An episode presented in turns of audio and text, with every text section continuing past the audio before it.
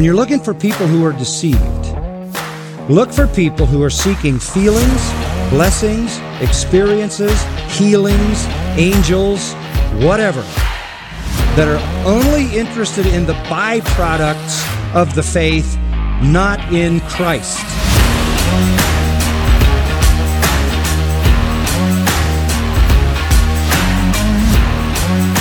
Come out from among them. Run for your life. Because this is about your life. It's not just about an opposing theology or conflicting viewpoint on Jesus. This is about your life. Run from gospels that focus only on success and prosperity. Run! Run from churches where men and not Christ are glorified. Run! Run! Body of Christ, run! Get out! Run from churches where you're comfortable in your sins.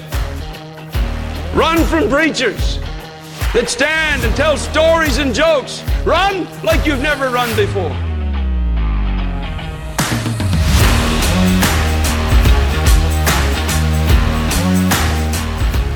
Hvis ikke Herren bygger huset, hvis det ikke er Han som leder arbeidet, hvis det ikke er Hans ord vi bygger på, Hans ord vi handler på, ja, da handler vi, da bygger vi, da arbeider vi forgjeves.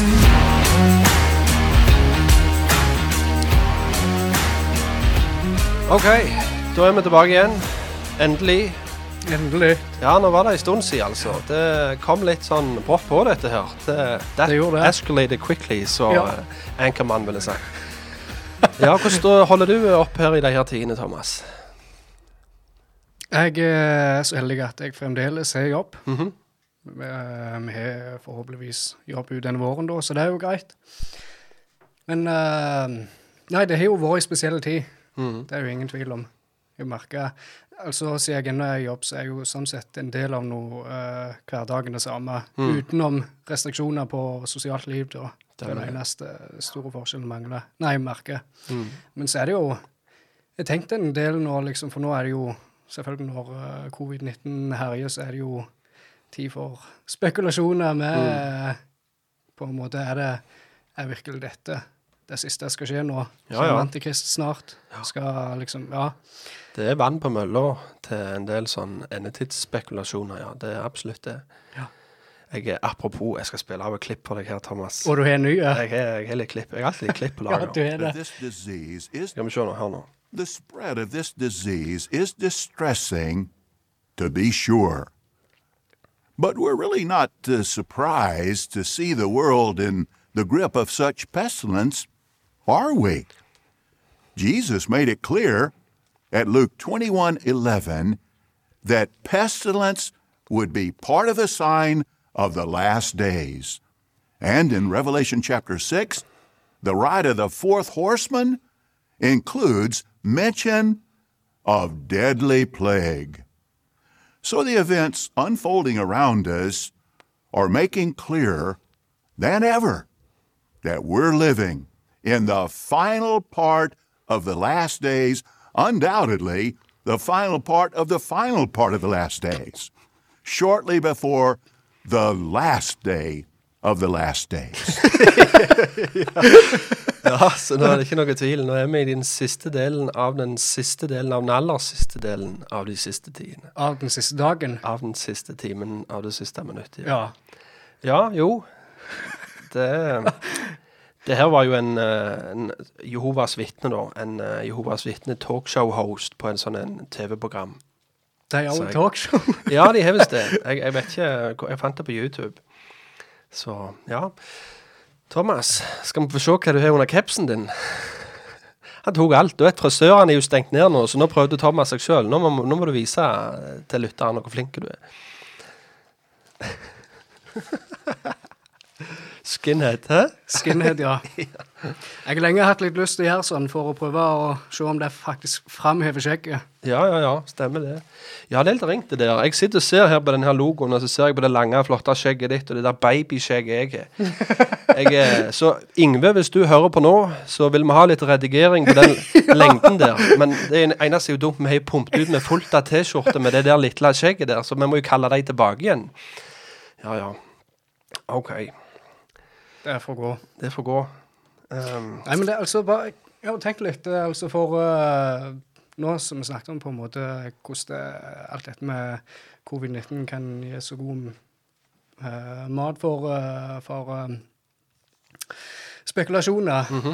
Og sånn jeg har tenkt litt med tanke på det som vi har snakket om nå, disse siste episodene, og om, liksom, den episoden vi hadde om Guds rike og sånn, og på en måte har dette her Selv om alt dette her skjer, så er det likevel ikke fått meg til å tenke på en måte Ting blir bare verre. Og på en måte, for det er jo ikke, som vi har vist uh, tidligere, så har det jo vært uh, tider med, med pest som òg har vært kraftigere enn denne her. Og det er jo da du ser òg at uh, de kristne ser på en måte gjennom kirkehistorien at de kristne har på en måte blomstra pga. at eh, de elsker sin neste, og de, eh, går, de hjelper de som er svake, de som sliter og syke, og de ofrer til og med livet sitt bare for å kunne hjelpe noen. og um, Så jeg har ennå stort håp om at Guds rike faktisk skal gå fram i denne tida òg.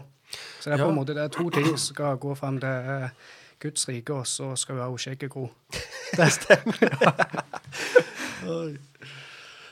Ja. Nei, altså det Hva skal du si? Jeg, jeg, mange vil jo si at at eh, ja, det skal bare bli mer av dette her framover. Og så er det nok mange som tenker at når en ser pest, krig og det ene og det andre, så er det bare en bekreftelse på at ja, da er vår forståelse av endetida rett, av vi tror at ting bare skal bli verre og verre. Men så er det jo igjen å, å ha et litt mer fugleperspektiv over hi historien, sant, og, og faktisk vi blir jo veldig prega når vi sitter og hører på Dagsrevyen 24 timer i døgnet. er du med? Og det er jo ikke akkurat vi får jo ikke akkurat høre på Dagsrevyen vekkelsene som skjer, i Kina, eller vekkelsene som skjer i Russland, og, og alle kirkene i Midtøsten som, som blomstrer på tross av forfølgelse og, og motgang. Så det igjen, vi får jo malt et veldig dystert bilde på mange måter. At ting blir bare verre og verre. Og Men igjen, Guds rike, det går fram i motgang, som du sier. Det går fram i, i, under forfølgelse. Og det er ikke sånn at når forfølgelsen forsvinner, når, når uh, pesten ikke er der lenger, da, da er det virkelig vi ser Guds rike. Nei, vi ser Guds rike midt i det. Vi ser Guds rike sprer seg gjennom martyrenes blod, som det heter. Så det, det er absolutt òg en realitet. Ja, nå har vi jo hatt ganske mange episoder om dette her som endetida gjør. Noen er kanskje litt fed up og kjenner at det her er ikke greit. Mens andre tenker det at de vil ha mer, og vi har en del av de òg som bare liksom ikke klarer å vente på når vi skal begynne med åpenbaringen. Og, og det har vi veldig lyst til å gjøre, men det er gjerne fint at uh, hvis lytteren vår gir dere litt tilbakemelding på om, om de er girde på en liten gjennomgang av åpenbaringen òg. Og hvis vi får en del tilbakemeldinger av det på Facebook eller på, på melding og sånn, så, så går vi i gang med det òg. Eh, Men nå må vi ha en liten pause. Vi har litt eh, andre episoder planlagt nå framover. Vi skal ha litt intervju, og vi planlegger en liten dåpsdebatt i kulissene. Så det blir spennende. Eh, og så skal vi vel få på Jonas Stava i påsken. Han kom ut med en ny bok. Skal intervjue han rundt det. Så, så mye å se fram til i de her tidene. Så nå har det jo vært litt utfordrende å få pumpet ut de her episodene med tanke på alle regler, nye regler som har kommet. Og for de som ser på YouTube nå, ser de at den her mikrofonen her har strekt seg så langt den går. Så vi har prøvd å skutte Thomas lenger vekk, bare for å prøve å opprettholde Norges lover og regler. Så, og hvis vi hoster, så vet de trofaste lytterne våre at det ikke er for vi har korona. Det er bare for at vi Vi gjør alltid det. Det er litt som Batman. Batman og noe Gerdemar. Ehm, ja.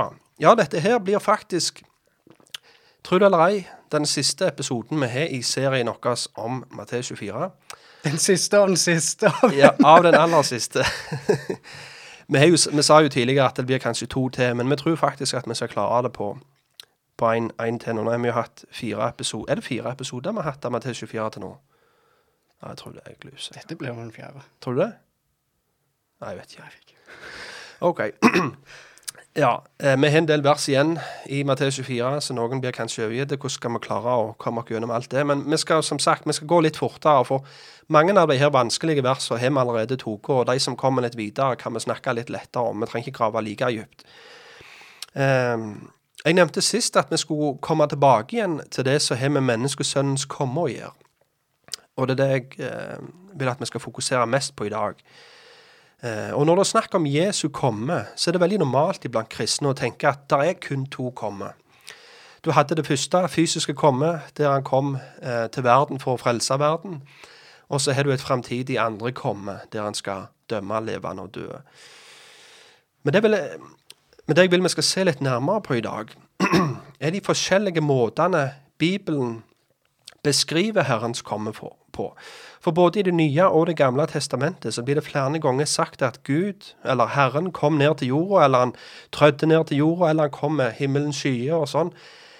Noen ganger kom han ned for å frelse, andre ganger kom han ned for å dømme. Men det var ikke alltid et synlig komme. Men det var likevel et reelt komme. Så jeg har lyst til å se litt på de forskjellige måtene Bibelen snakker om Herrens komme på. For det blir litt for simpelt å, å bare si at det, er, det var kun to komme. Er du med?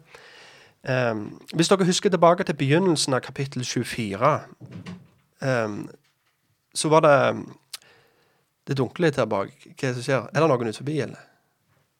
Vi skulle ha sånn der rødt lys på kontoret vet du, som sier her er det innspilling. Det stormte noe vilt ut i dag òg. Jeg vet ikke om de, de, som hører på, hører den piskinga på ruta her, men det, vi er ikke helt sånn lydtett studio. Så en annen gang husker jeg òg, rett ut forbi studioet her, så holdt de på å legge asfalt. Så du Stemmer hørte sånn der Hva heter den der? Han som komprimerer asfalten. Det var en vanvittig dunkelyd. Mm. Men vi fikk det ikke Det tok, tok ikke opp her, så jeg tror det skal, tror det skal gå greit. OK. Digresjon. Ja.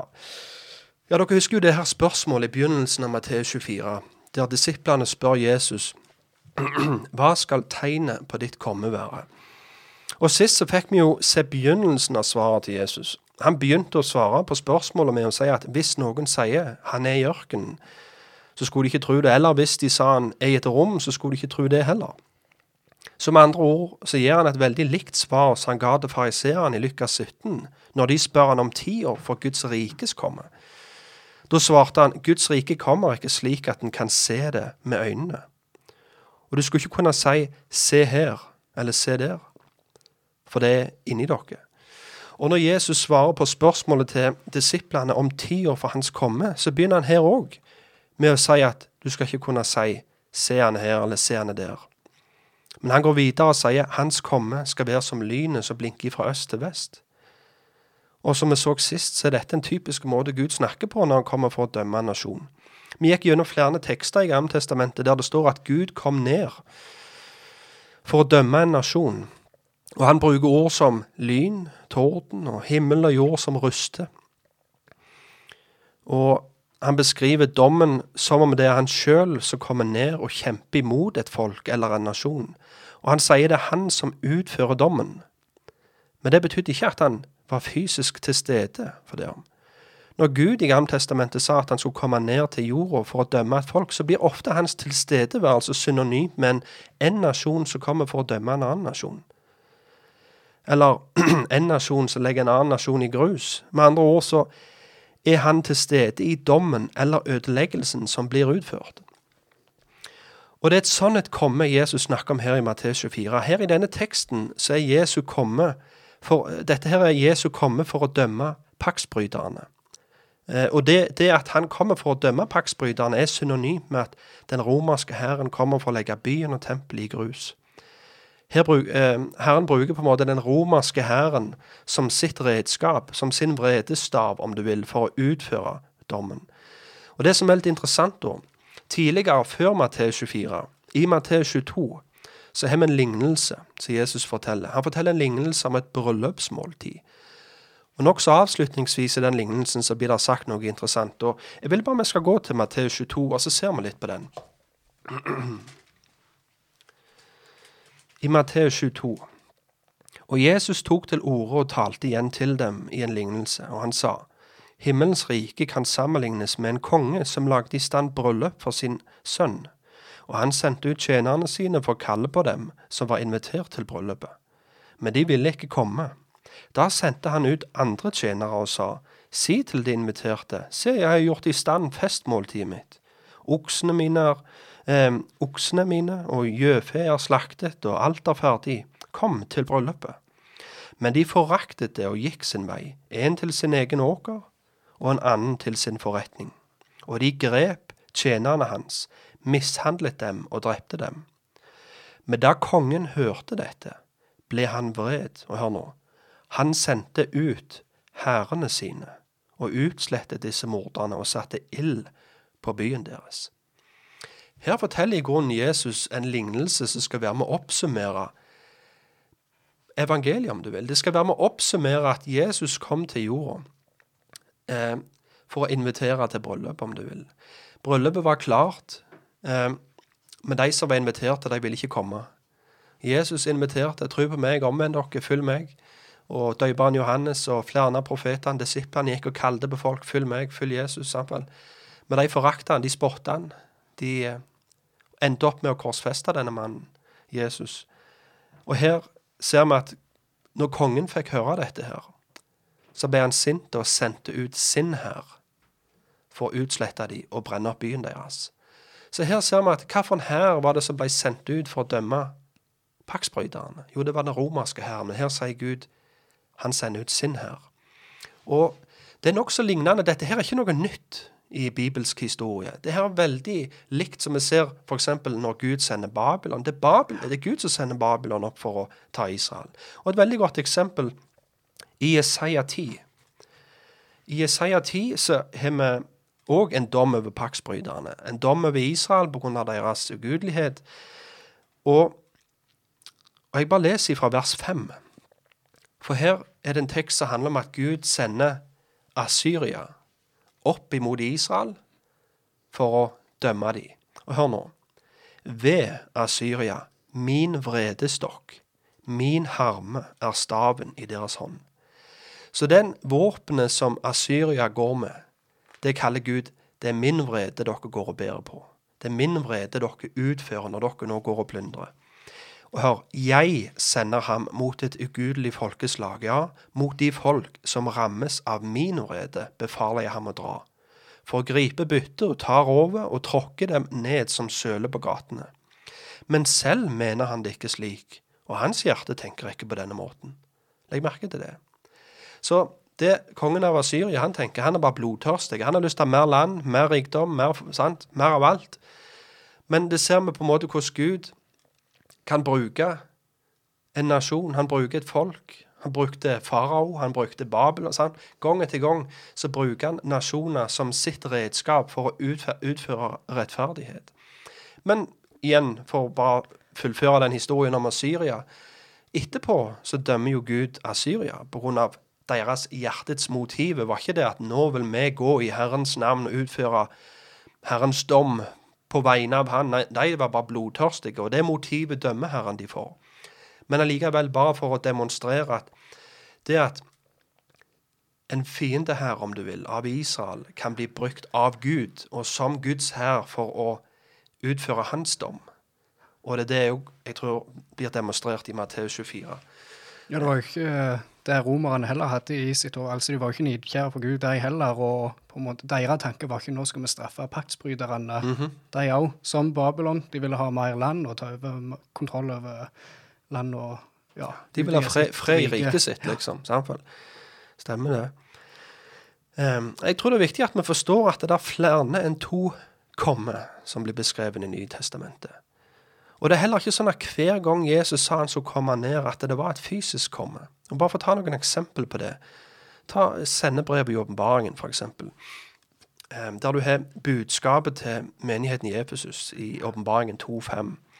Og jeg leser Husk derfor hvor du har falt ifra. Omvend deg og gjør de første gjerningene. Ellers skal jeg komme brått over deg og flytte lysestaken din fra sitt sted hvis du ikke omvender deg.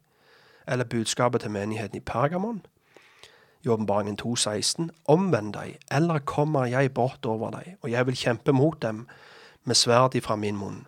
Eller Sardes i kapittel 3 vers 3. Husk derfor på hvordan du tok imot og hørte. Hold fast på det og omvend deg. Derfor, hvis du ikke eh, vil våke, skal jeg komme over deg som en tyv, og du skal ikke vite hvilken time jeg kommer over deg.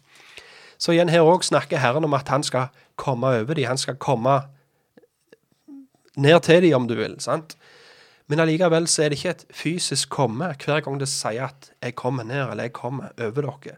Men det er kanskje et komme i, i tukt, komme i dom, komme på forskjellige måter. sant? At livet blir tatt ifra, lyset blir tatt ifra, velsignelsen blir dratt vekk, osv. Og Jesus, kom, Jesus kommer ned og åpenbarer seg for Paulus. sant? Og Det var ingen som kunne se han, sant? De så bare et lys. Men allikevel var det et reelt komme. Og Jesus sier òg der i Matteus 18, der to og tre er samla, der er jeg midt iblant de. Um, eller tidligere i Matteus-evangeliet, og det har vi jo nevnt litt tidligere òg, i Matteus 10,23, så sier Jesus til disiplene sine at når han sender de ut på den første misjonsreisen, sier han dere skal ikke være ferdige med byene i Israel før menneskesønnen kommer. Så det var et komme som blir beskrevet eh, på en måte i en veldig nær framtid for disiplene. sant? Dere skal ikke være ferdig med byene i Israel før menneskesønnen kommer. Eh, eller i Matteus 16, som også er nevnt tidligere. For, men, eh, 16, for menneskesønnen skal komme i sin fars herlighet og med sine engler. Og da skal han lønne enhver etter hans gjerninger. Sannelig sier jeg dere, det er noen som står her, som ikke skal smake døden, før de ser menneskesønnen komme i sitt rike. Så der igjen, det var noen av disiplene hans som ikke skulle dø før menneskesønnen kom igjen. Men igjen, vi vil jo argumentere for i Matteus 16 her og i Matteus 10 at det er det komme som han òg beskriver i Matteus 24. At det var et komme i dom over paktsbryteren, og ikke nødvendigvis et fysisk komme, men allikevel et komme i herlighet, sant? så det står. For Gud åpenbarer sin herlighet i dom. Sant? Det er bare å se i Romerne 9, så hva om han vil vise sin kraft og sin herlighet på de kar som allerede bestemte fortapelsen? Han, eh, han beskriver Guds dom blir ofte blir, beskrevet som en manifestasjon av hans herlighet. Um, ja. Så igjen, det, det, er viktig at vi forstår at Herrens komme blir brukt på forskjellige måter i Bibelen. Og selv om han sier han skal komme ned, så var det ikke nødvendigvis et fysisk komme. Men i teksten vi fører oss i dag, så står det at de skal se menneskesønnen komme med himmelens skyer i kraft og stor herlighet. Da må jo dette være et synlig komme. Da kan ikke dette bare være et sånn et likt komme som vi ser i Gammeltestamentet, eller sånne komme som vi snakket om tidligere nå, der Gud sier han skal komme ned, men egentlig så er det ingen som kan se han. Dette her må jo være et fysisk komme. Og, og det er jo derfor de fleste tolker det sånn, for det står ja, men de skal se han, står det. Men før jeg svarer på det, så vil jeg bare lese teksten. Og, og vi stoppet jo fra vers 29 sist gang, så vi fortsetter fra vers 30 i dag. Og jeg leser. Da skal menneskesønnens tegn vise seg på himmelen. Og da skal alle folkestammer på jorden jamre og hør nå, og de skal se menneskesønnen komme på himmelens skyer, med kraft og stor herlighet. Og han skal sende sine engler ut med en mektig basunrøst, og de skal samle sammen hans utvalgte fra de fire vindretninger, fra den ene enden av himmelen til den andre. Ok, Først må jeg bare si, vers 30 er vel kanskje det verset som det er flest forskjellige tolkninger på i, i, denne, i dette kapittelet her. Og spesielt det som har med menneskesønnens tegn å gjøre. Eh, noen har foreslått at det skal være et bilde av Jesus oppe i skyene. Andre har sagt at det skal være Betlehemstjerna som igjen lyser. Eh, andre sier det skal være et kors som viser seg på himmelen, og alle skal kunne se det.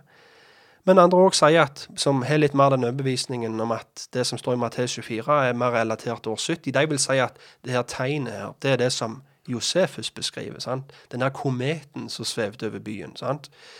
Eller den her stjerna som så ut som et sverd som hang over Jerusalem i, i lengre perioder før år 70 og ødeleggelsen. Um, jeg vet ikke helt om jeg er overbevist av noen av de her tolkningene, men det, det, er i hvert fall kreative forslag. Men det vi i hvert fall kan si, er at det er noe som er relatert til det vi leser i slutten av vers 30. Og der står det Og de skal se menneskesønnen komme på himmelens skyer med kraft og stor herlighet. Og det som er interessant her, er at her siterer Jesus et vers fra Gammeltestamentet. Og i mange bibler blir dette verset skrevet med litt mindre bokstaver, eller en litt annen type tekst, bare for å vise at her er eh, på en måte For at leserne skal forstå at her siterer Jesus Gammeltestamentet. Og det Jesus siterer her, er Daniel 7. Daniel 7, vers 13-14. Og jeg leser Jeg så i de nattlige synene, og se, en som var som menneskesønn, komme med himmelens skyer. Han kom bort til den gamle dager, og de førte ham fram til ham. Ok, spørsmål. Er Jesus på vei ned, eller er han på vei opp i denne teksten? Ja? Du får svare. Opp. ja. Ja, det var ikke du rekte opp hånda, nei. Du pekte opp, ja. Okay. Ja, sant. Men når jeg leste den teksten flere ganger før, så har jeg alltid tenkt ja, menneskesønnen kommer med en sky. Det her er en tekst som beskriver Jesu gjenkomst. Men hvor er han på vei hen? Han er på vei opp til den gamle dage, og så blir han framstilt framfor han. Og videre ehm, Han kom bort til den gamle dager, og de førte han fram til ham. Dette er ikke Jesu komme til jorda. Dette er Jesus på vei til himmelen. Dette er Kristi himmelfart, med andre ord. Og hva er det som står videre? I vers 14. Så ble det gitt ham herredømme og ære og rike, så alle folk og folkestammer med alle tungemål skulle tjene ham. Hans herredømme er et evig herredømme som ikke forgår, og hans rike er det som ikke skal ødelegges. Men grunnen til at vers 30 i Matteus 24 ofte blir tolka til hver Jesu andre komme i dom over hele verden, er for det står da skal alle folkestammer på jorden jamre. Men her vil jeg òg si det er en, en litt eh, hva skal du si, en dårlig oversettelse av gresken. For ordet som blir oversatt til jorden, er det greske ordet ge, eller ges, som òg kan bli oversatt til landet. Og konteksten er det som bestemmer hva ord som blir mest rett å bruke. Og alt vi har sett i teksten fram til nå, har vært lokalt. Det har vært relatert til, til Israel, det har vært relatert til Jerusalem. Um, så det vil bli mer rett å si at alle folkestammer i landet skal jamre. Og igjen, bare dette her, eh, så har vi folkestammer å gjøre. Du ser, det er en vanvittig normale betegnelse på jødefolket. sant? Det, det var, Du hadde de tolv stammene i Israel. sant? Så folkestammene i landet, de skulle se han. Og, og det som er veldig interessant her, da Her òg er det en gammeltestamentlig referanse. Her refererer Jesus tilbake igjen til Zakaria 12. Og jeg har lyst til å bare lese Zakaria 12 for dere.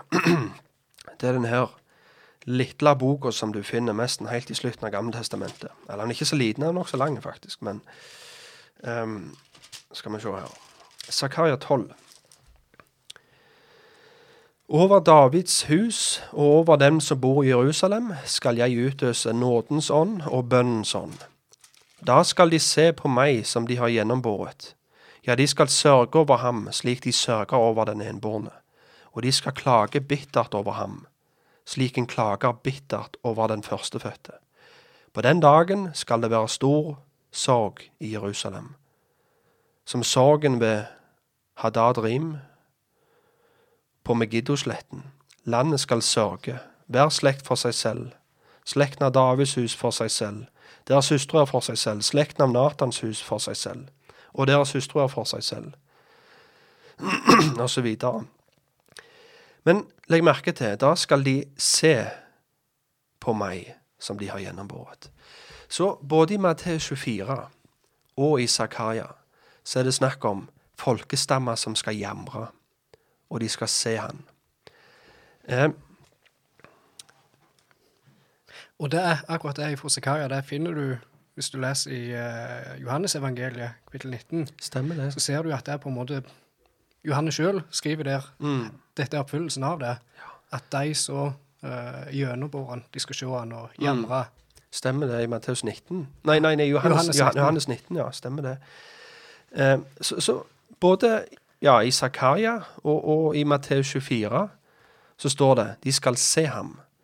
Så det er derfor mange tenker at dette må være hans andre komme, siden det står at de skal se ham. Men husk, han siterer Daniel 7 her. Og her, ja, her i Matteus 24 og, og det var ikke sånn at alle menn det, det er jo snakk om himmelfarten, sant? Han er på vei opp i denne teksten. Um, og det var ikke sånn at alle mennesker var vitne til Kristi himmelfart. Det var et knippe av Jesus sine disipler. Ehm, og det er viktig å forstå at når det står at de skal se ham, så er det ikke nødvendigvis med det fysiske øyet. For det å se blir brukt på forskjellige måter i Bibelen. Du har f.eks. når Jesus sier til disiplene sine i Johannes 14, 19 Enda en liten stund, og verden skal ikke se meg lenger. Og hør nå, men dere skal se meg. Og det han snakker om her, det er at når han snart skal reise opp til himmelen, og så skal han sende sin Hellige Ånd til dem. Så det at han snakker om Den hellige ånd, at den skal bli sendt ned til sitt folk, sine disipler, er synonymt med at de skal se han. Så blir det òg at siden de andre ikke tok imot han, så skal ikke de se han. Så det å ta imot Jesus, det å tro på han, er synonymt med å, med å se han. Et annet eksempel er i Mattes 5, 8. Salige er de rene av hjerte, for de skal se Gud. Og Jeg tror ikke det er snakk om å se Gud med det fysiske øyet her heller. For ingen har noen gang sett Gud, sier Jesus. Men han har forklart han, og ingen kan se Gud, for han er den usynlige Gud. Jesus er bildet av den usynlige Gud, den førstefødte framfor hele skapningen, som vi leser i Kolossene 1,15. Og ofte når Jesus talte til jødefolk, og ingen av dem forsto hva han sa, så responderer Jesus med Jesaja 6, og så sier han at de er øyne, men ser ikke, og de er øyre, men hører ikke. Eller når Jesus helbreder den blinde mannen i Johannes 9, og jeg fra vers 39. Jesus sa, til dom er jeg kommet inn i denne verden, så de som ikke ser, skal få se, og de som ser, skal blindes. Noen av fariseerne som var med ham, hørte da disse ord og sa til ham, er vi også blinde? Jesus sa til dem, hadde dere vært blinde, hadde dere ikke hatt noen synd. Men nå sier dere, vi ser, derfor består deres synd. Så Bibelen bruker ofte det å se som et synonym for å forstå. Så når Jesus sier at de har øyne, men ser ikke, så er det fordi de ikke forstår. Vi har en lignende måte å snakke på i dag, spesielt på engelsk. Så sier vi ah, I see. Sant Så er det jo synonym for ja, jeg forstår, jeg skjønner hva du mener, liksom. sant? Så jødefolket skulle ikke se han med det fysiske øyet, men de skulle forstå at denne dommen var en bekreftelse på og en manifestasjon av at Jesus nå satt på Davids trone i himmelen og at han var den menneskesønnen som var profetert om i Daniel 7, som nå hadde fått herredømme og ære og rike, så alle folk og folkestammer med alle tungemål skulle tjene han, og at hans herredømme, et evig herredømme som ikke skal få gå, hans rike er det som ikke skal ødelegges. De skulle forstå at han som nå dømte de, had, uh, han som nå dømte de, var han de hadde korsfesta, men som òg sto opp igjen tre dager seinere. De valgte Barabas istedenfor Jesus, og de valgte Cæsar istedenfor kongenes konge. De ropte 'la hans blod komme over oss og våre barn', for vi har ingen annen konge enn Cæsar. Og Det er derfor det er litt interessant det Jesus sier når han er på vei opp til korset. Jeg har alltid syntes det har vært en veldig spesiell tekst. Det går veldig fort. sant? Du får ikke så veldig mange detaljer, men du får, får liksom lese i, i Lukas at Jesus stopper opp og snakker med noen. Og I Lukas 23, 27 så leser vi en stor folkemengde fulgte ham, og det gjorde også noen kvinner som sørget og klaget over ham. Men Jesus snudde seg til dem og sa, Jerusalems døtre, gråt ikke over meg, men gråt over dere selv og over deres barn. For se, dager skal komme da dere skal si, salig er de ufruktbare, de morsliv som aldri har født, og de bryster som aldri har gitt die. Da skal de begynne å si til fjellene, fall over oss, og til haugene, dekk oss. For dersom de gjør slik med det grønne treet, hva vil skje med det tørre? Så Jesus profeterte flere ganger at byen og folket skulle bli dømt. Og på vei opp til korset så er det som han sier, ikke grin over min trengsel, men grin heller over den trengselen dere og deres barn snart skal få oppleve. Og når trengselen kom over Israel i år 70, så ble det i sannhet et stort klagerop og jammer iblant folkestammene i landet. Men da var det for seint. Men det er ikke bare i Matteus 24 at Jesus siterer Daniel 7.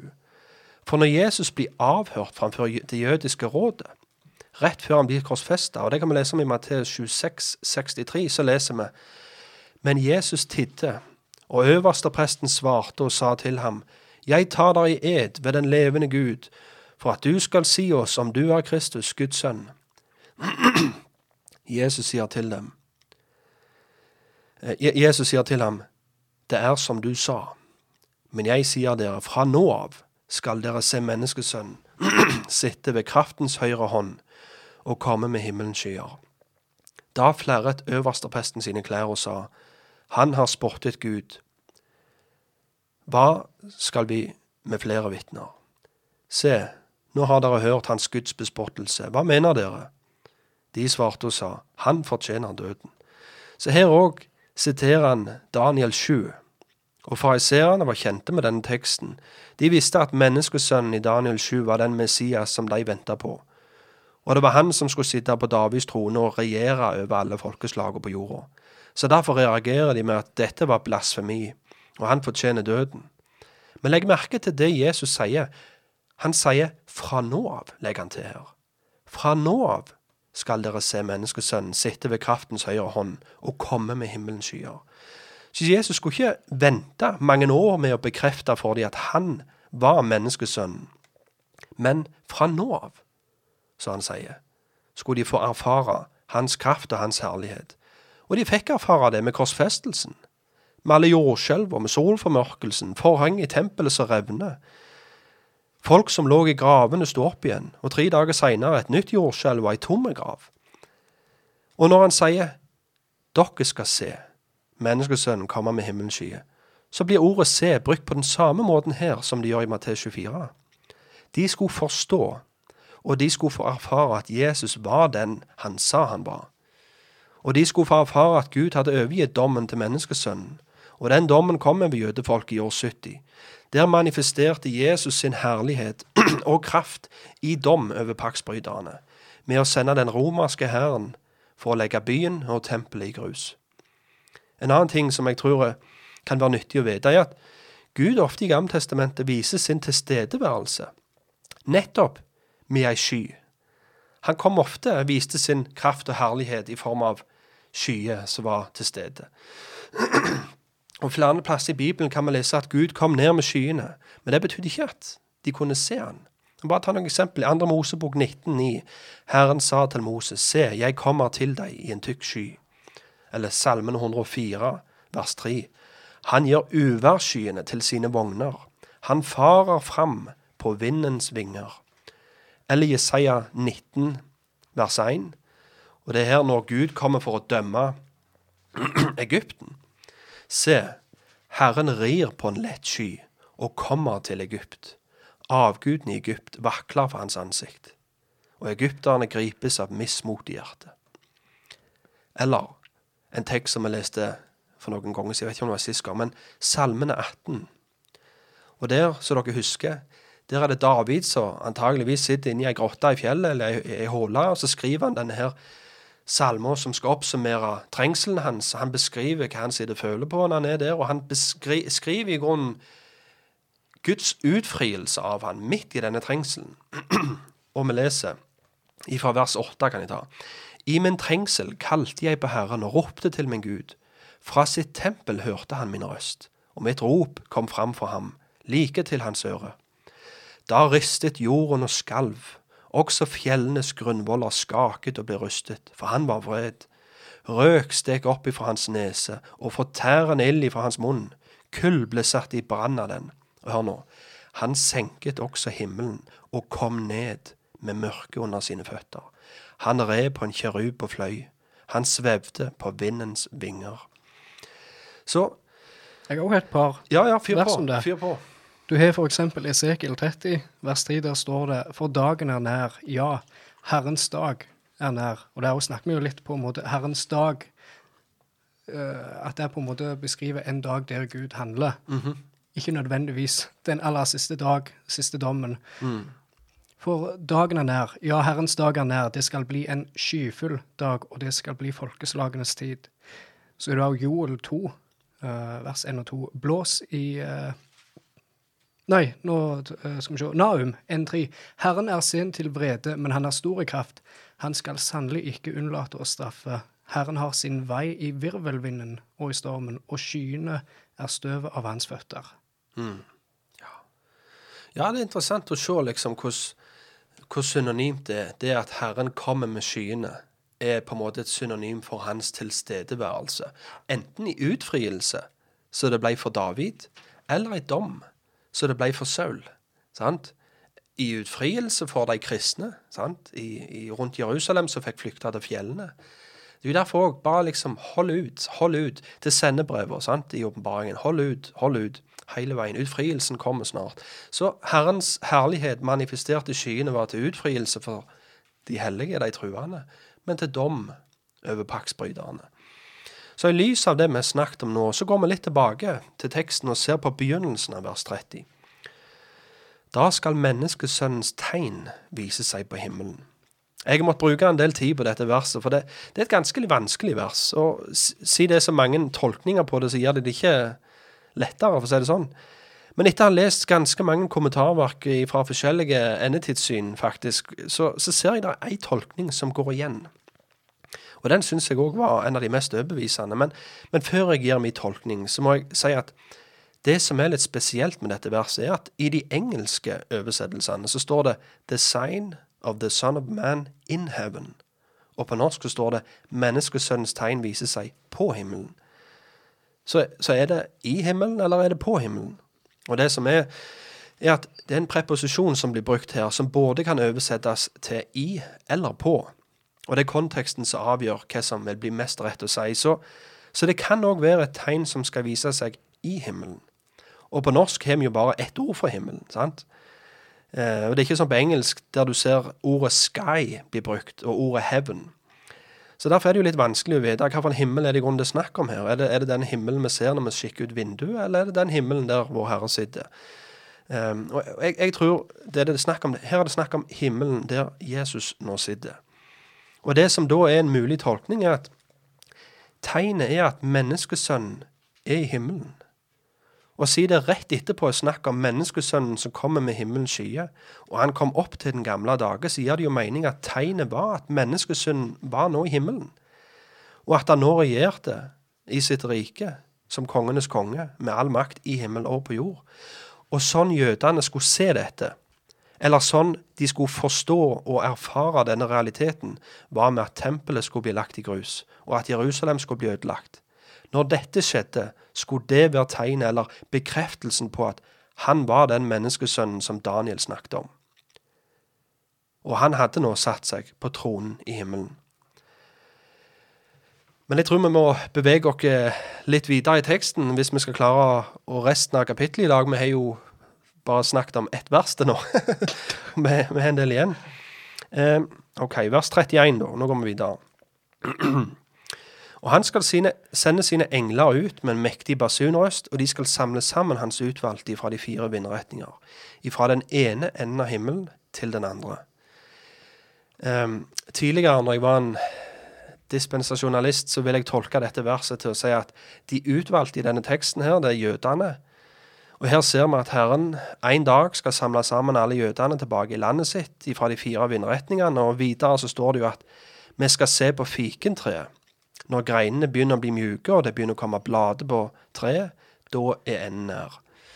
Og fikentreet er jo Israel, så, så, det jeg lenge trodde at denne teksten lærte, var at når vi ser jødene begynne å vende hjem igjen, og landet blir bygd opp igjen, og ørkenen blomstrer, da er enden nær. Og da var det ikke lenge før opprykkelsen. Men i dag så ser jeg dette her litt annerledes.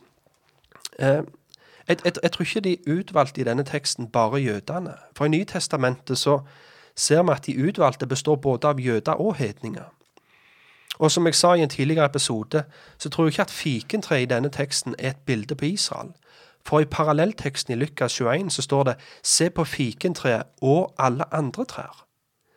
Så det er ikke et poeng her i teksten at det er nettopp fikentreet som blir nevnt. Um, så poenget er ikke hva type tre, men at når dere ser på trærne i flertall, at greinene begynner å bli mjuke, at det begynner å komme blader på trærne, så vet vi at sommeren er nær. Og på samme måte skal vi vite at enden er nær når vi ser alle disse tegnene begynne å skje, som Jesus har snakket om helt fram til nå.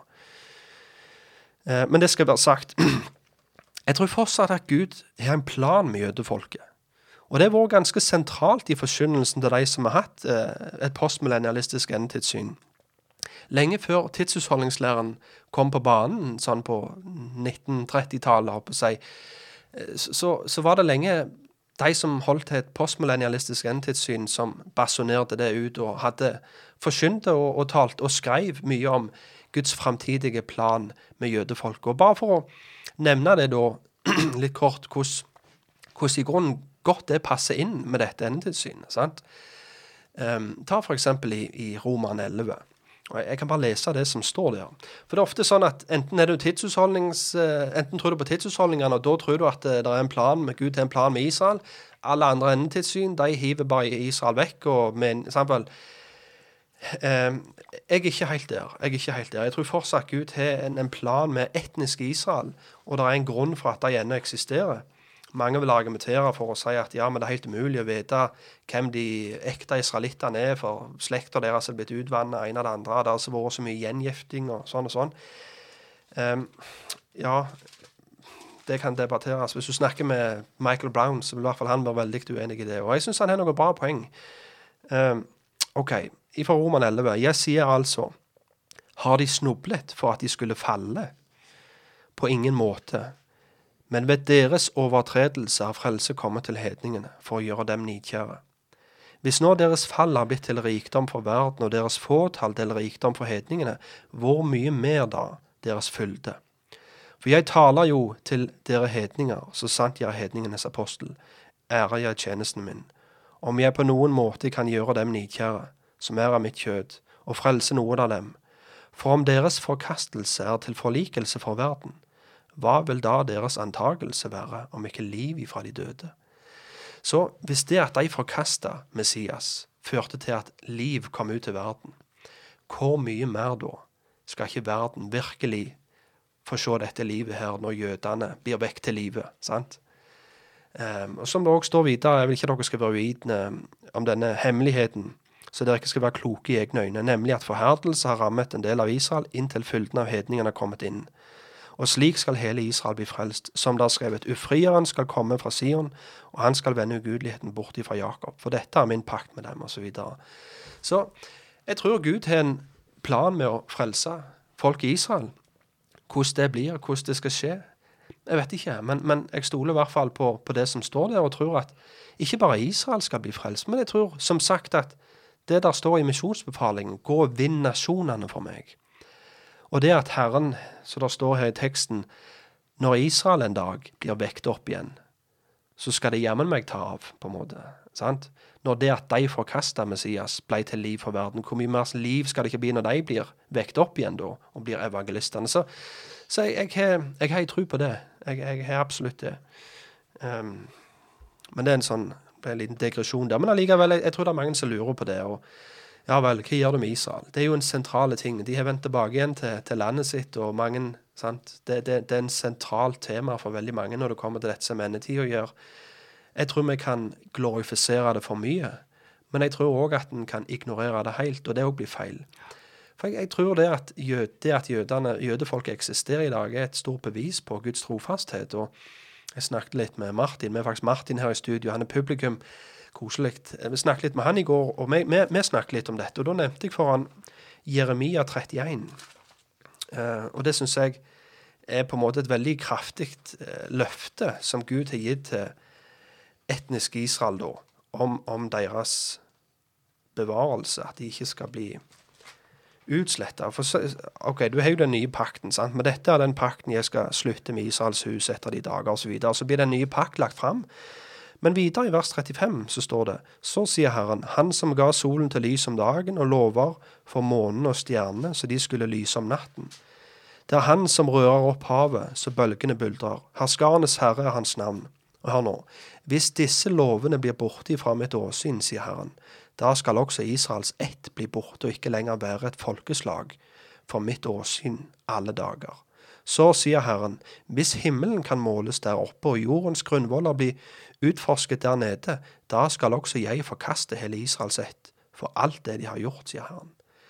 Så med andre ord, hvis du kan ta ut målestokken din og måle himmelen der oppe og utforske alt som har med jorda her nede å gjøre, ja, da kan òg Herren forkaste sitt folk, Israel. Og, Noen vil kanskje si at ja, men det her er i overført forstand, dette her er menigheten det snakker om. Men, men da skal også jeg forkaste hele Israels ett. Eh, det, altså Folkeslag. Det er snakk om et folkeslag her. Et folkeslag, etnisk is. Sånn jeg ser det, i hvert fall. Men, men jeg vil, igjen, jeg vil være ydmyk rundt dette her temaet. her. Jeg, jeg forstår ikke alt, jeg vet ikke alt, men, men jeg syns i hvert fall det å se klart at Gud har en plan og en mening med at jødene fortsatt eksisterer, og jeg tror at, en, at han har tenkt å frelse dem òg som et folk, samtidig som han har tenkt å frelse mange folkeslag, for å si det sånn. Ok, det var avsporing. Men ok, tilbake til teksten. Vers 31. Og han skal sende sine engler ut med en mektig basunrøst, og de skal samle sammen hans utvalgte fra de fire vindretninger, fra den ene enden av himmelen til den andre. Han skal sende sine engler ut med en mektig basunrøst. Angelos. Ja. Ordet engler som blir brukt her, er nettopp det som Thomas sier. Angelos eller angelos, jeg vet ikke hvordan jeg skal si det. Som betyr budbærer. Og det ordet blir ofte brukt som eh, om profeter og de som forkynte Herrens ord, både i Nye og Gamle testamentet. Du er om døperen Johannes Mhm. i eh, Matteus 11 og Markus 1. Jeg kan bare nevne litt flere. Ja, du har. Johannes sine disipler de blir også kalt budbærere Ja. i Lukas 7, eh, 24 og 27. Og så i Lukas 9 står det at Jesus sendte budbærere foran sitt åsyn. Og det er også det ordet angelos som er brukt. Men, ja, er men oversatt til budbærer. Og òg når du ser i, i eh, Jakob kapittel 2 om Rahab Rahab, -hmm. i, som bodde i Jeriko. Ja. eh, under Josva, hun tok imot budbærere. Og på en måte alle disse her eksemplene som tok nå, Mm. der er ordet budbærer brukt. Ja, stemmer det. Ja, så har du jo sånn prestene i Malaki 2.7 blir beskrevet som herskarenes herres budbærer, altså angelos, sant? Hagai blir beskrevet som herrens budbærer, angelos. Så, og ikke minst i åpenbaringen, alle sendebrevene. Skriv til engelen for menigheten i Smyrna. Skriv til engelen for menigheten i Efesus. Og Det er også det ordet angelos som er brukt. Og det, De fleste kommentarverk og de fleste vil jo si at når det er snakk om å skrive til engelen, så er det snakk om skriv til budbæreren for de forskjellige menighetene som, som er lik eldsterådet eller pastorene. Skriv til lederne for menigheten, sånn at de kan lese det opp for menigheten, som er poenget. Um, så poenget mitt her er, når vi leser i vers 31 i Matteus 24, at Herren sender sine angelos ut, og de har en mektig basunrøst, så er det snakk om Herrens budbærere. Altså meg og deg. De kristne er hans budbærere. Og det, det vi basunerer ut til verden, er evangeliet. For vi er blitt sendt ut av Herren til Gud og gir alle folkeslag til hans disipler. Og på den måten blir alle mennesker fra de fire vindretningene samla til ett, under én hyrde, om du vil. Og Johannes 10, 15, Som min far kjenner meg, slik kjenner også jeg min far. Jeg gir mitt liv for sauene. Jeg har andre sauer, som ikke er av denne flokken. Dem må jeg også lede, og de skal høre min røst. Det skal være én flokk og én hyrde. Her snakker han om at han kom til sant, jødefolket og samla sammen sine får iblant jødefolket, men han er òg andre sauer han må ta seg av, så ikke av denne fårekveen. sant? Og de skal alle være én flokk under én hyrde. Så når Herrens utvalgte blir samla, er det med å høre hyrdens røst, som er evangeliet. Og når han snakker om at vi skal gå ut med en basunrøst, så er det for det var på denne måten Herren samla jødefolk i Gammeltestamentet. Gud befalte bl.a. at det skulle bli lagd en basun som, når den ble blåst i, så skulle jødefolket samles. Så skulle folket samles i tilbedelse og lovprisning framfor Gud. Men jeg tror òg denne basunen refererer til jubileebasunen, som vi kan lese om i 3. Mosebok 25, vers 8. Og når denne basunen ble blåst i, så signaliserte det starten på et jubileår. Og da skulle fanger bli sluppet fri, slaver skulle bli sluppet fri, all gjeld skulle bli utsletta, og ikke minst at den jorda du hadde kjøpt eller leid, skulle nå gå tilbake til sin opprinnelige eier. Og denne loven om jubileåret var noe som pekte fram imot evangeliet. For hva var det Jesus forkynte når han gikk rundt i synagogene? Jo, ifra Jesaja 61. At nå har det ultimate jubileåret kommet med Kristus. Kristus er oppfyllelsen av jubileåret. Og han er det ultimate jubileet, om du vil. Nå skulle de som var slaver til synd, bli sluppen fri, og de som var fanget av Satan. Og skyldbrevet som sto imot dere, ble nå nagla til korset. Og denne jorda som tidligere hadde tilhørt Satan, ble nå gitt tilbake til sin opprinnelige eier, Kristus. Han er nå konge over denne jorda. Det er derfor vi leser i Apostelens gjerning at de kristne ble forfulgt for de gikk rundt og forkynte at det var en annen konge. Og det, dette budskapet er det vi kristne, altså Herrens angelos, budbærere, skal basunere ut til verden. Så er vi da utsendinger for Kristus, og det er Gud selv som formaner gjennom oss. Vi ber dere, la dere forsone med Gud, i 2. Korintene 5,20. Så når, når, når vi går ut i verden og forkynner evangeliet, så blir én etter én av Herrens utvalgte samla til én flokk i Kristus ifra de fire vindretningene.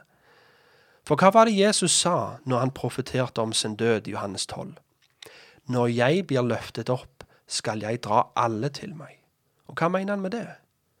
Jo, mennesker fra alle stammer, tungemål, folk og folkeslag. Um, før opererte Gud bare med et folkeslag. Han opererte med jødene. og Legg merke til det òg når Jesus kom ned til jorda her, før hans døde oppstandelse.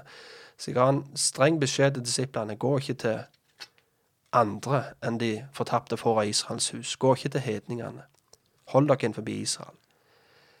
Um, men når Jesus triumferer over Satan på korset, så ser vi på en måte at Satan, som tidligere hadde herredømme over alle folkeslag, og han hadde makt over alle folkeslagene på jord. Det er derfor Satan tilbyr, det, tilbyr Jesus det når han blir frista i ørkenen. Bøy deg ned for meg, så skal du få alle folkeslagene. For det har blitt gitt til meg, sier Satan. Men når Jesus sto opp igjen fra de døde, så sier han meg nå blitt gitt makt, all makt i himmel og på jord. Går derfor ut og vinner alle folkeslagene for meg. Så det er det Jesus mener han sier. Når jeg blir løftet opp, da skal jeg dra alle til meg. Da skal han dra folk fra alle folkeslag til seg, fra alle de fire vinnerretningene, om du vil. Og rett før, i, i, når vi er tilbake til Johannes, rett før i, i kapittel 11, når jødene planla å ta livet av Jesus, så sier ypperstepresten Kajafas noe interessant, i vers 49. Men en av dem, Kajafas, som var øverste prest og sa til dem, dere forstår ingenting, og dere tenker heller ikke over at det er bedre for oss at ett menneske dør for folket, enn at hele folket går til grunne. Dette sa han ikke av seg selv, men fordi han var øverste prest eh, det året, profeterte han at Jesus skulle dø for folket, ja, ikke bare for det folket, men også for at han skulle samle til ett de Guds barn som var spredt omkring. Ja, nå har vi brukt ganske lang tid bare på to vers i dag. Eh, og Litt av grunnen for det er at vers 30-31 er for mange de vanskeligste vers å forstå i denne teksten. Og jeg, jeg, eh, jeg har måttet jobbe en del med de sjøl, og det er sikkert du òg, Thomas. Eh, men jeg håper at det vi har nå snakket om, har vært eh, med å gitt litt mer lys over de her to eh, Litt mer klarhet over de her to versene. Men da tror jeg vi må bevege oss litt videre i teksten. Og den siste delen nå kommer nok til å gå litt fortere, tror jeg. Kan du ta en rask ting til? Ja. For når han sier det, altså at en skal uh, Når han skal samle de Mm. tilbake Ordet 'samle' i seg sjøl, eller ord, det opprinnelige ordet betyr synagoge, Ja, stemmer det. Sånn at uh, det er jo det som på en måte er Du ser veldig mye av uh, historien skal skje nå. altså Det er snakk om dommen over paktsbryterne og så den nye pakten som skal inn. Og han skal på en måte samle ifra de fire vindretningene. Og bare basunen i seg sjøl trenger ikke være det lokale. Det kan være på en måte beskrive at Gud skal kalle på menneskehjertet ifra alle nasjoner. Liksom skal uh, bli drogen av Gud. Uh, men så er det jo da litt interessant da, bare med, ver, nei, med ordet 'å samle', som egentlig betyr synagoge uh, i grunnteksten, da, og at det, er på en måte det som er poenget nå. Nå, nå er det ikke bare en menighet med kun jøder, og nå er det faktisk eh, på en måte en ja, en større menighet. Ja, En synagoge av både hedninger og jøder. Ja. Og det tror jeg faktisk det er det ordet som blir brukt eh, Nå må du rette meg, Martin, men er det ikke det ordet som blir brukt i hebreerne 10 òg? Hold deg ikke vekk ifra Ja. din egen forsamling, altså synagoge, sånn som noen har til vane av å gjøre. Jeg tror det er de plassene det blir brukt i Nytestamentet, men, men det er ja, interessante tanker da. Ja. Eh, Jeg vet ikke om jeg skal lese hele resten av Matteus evangeliet. Jeg tror det blir mye. Jeg, jeg håper de som lytter, sitter med biblene fra- framfor seg nå. Så, så tar vi bare fortløpende resten her. Ja. Eh, lær den lignelsen ifra fikentreet. Når grenene først har blitt myke og det kommer løv, da vet dere at sommeren er nær. Slik skal også dere, når dere ser alt dette, vite at han er nær ved for døren. Sannelig sier jeg dere, denne slekt skal slett ikke få gå før alt dette har skjedd. Himmel og jord skal få gå, men mine ord skal aldri få gå.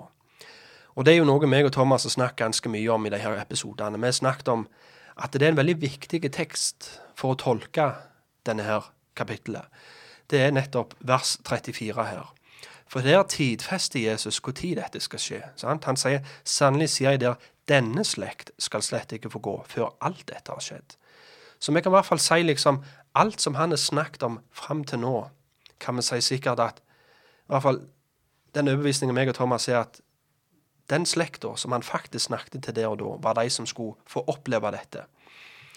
Uh, og igjen, vi, har den første episoden, hvis folk vil ta, et lite dypere dykk i akkurat denne slekta, hvordan blir det brukt i Bibelen, for da brukte vi ganske lang tid på å snakke om denne slekta, hvordan det blir brukt og ikke brukt. og og at det ikke er snakk om en general... Liksom det ikke snakk om den jødiske ett, eksempel. Rase. Ja, rase.